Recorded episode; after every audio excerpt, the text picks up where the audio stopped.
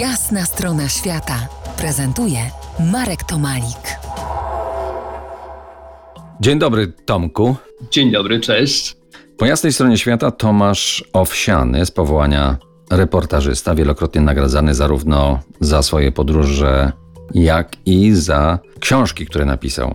Dziś powędrujemy po wędrowaniu. Nasz systemowy świat kocha definicję, chce wszystko scalić, ująć w ramy, czyli uwięzić.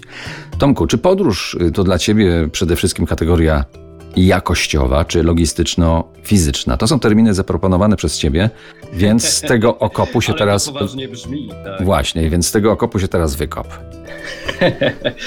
tak, rzeczywiście jest to przede wszystkim kategoria jakościowa. Rozumiem przez to przede wszystkim e, to, że e, o tym, czy e, wyjazd jest podróżniczy, czy nie, nie przesądza dystans, czy samo miejsce, w którym się znajdziemy, tylko to, co my w tym miejscu i z tym miejscem dokładnie zrobimy.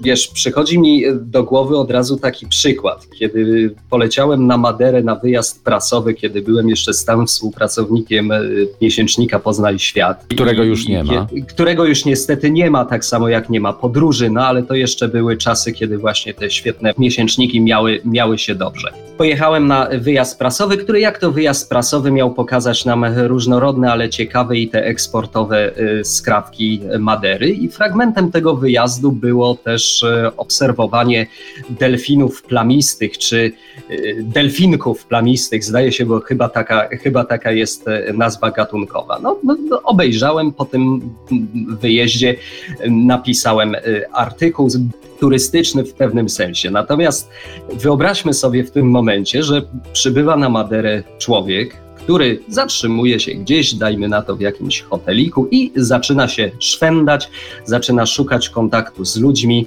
zaczyna ich nienachalnie zagadywać i gdzieś w pewnym momencie z, z jakimś mieszkańcem, z którymś z mieszkańców nawiązuje się tam jakaś forma sympatii, ten mieszkaniec zaprasza go do siebie, do domu, pozwala mu zostać.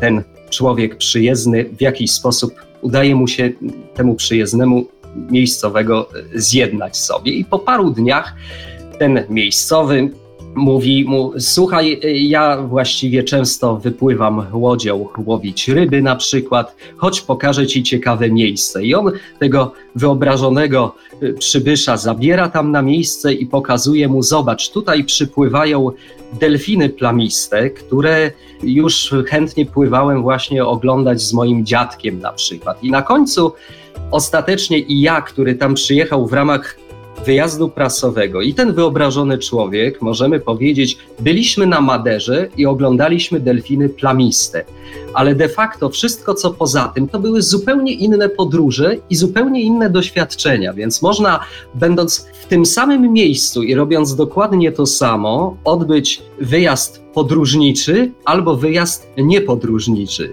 Czy można, czy można jednocześnie mm, w tym samym miejscu być i turystą, i podróżnikiem? Spróbujemy kontynuować tę rozmowę za kilkanaście minut. Zostańcie z nami.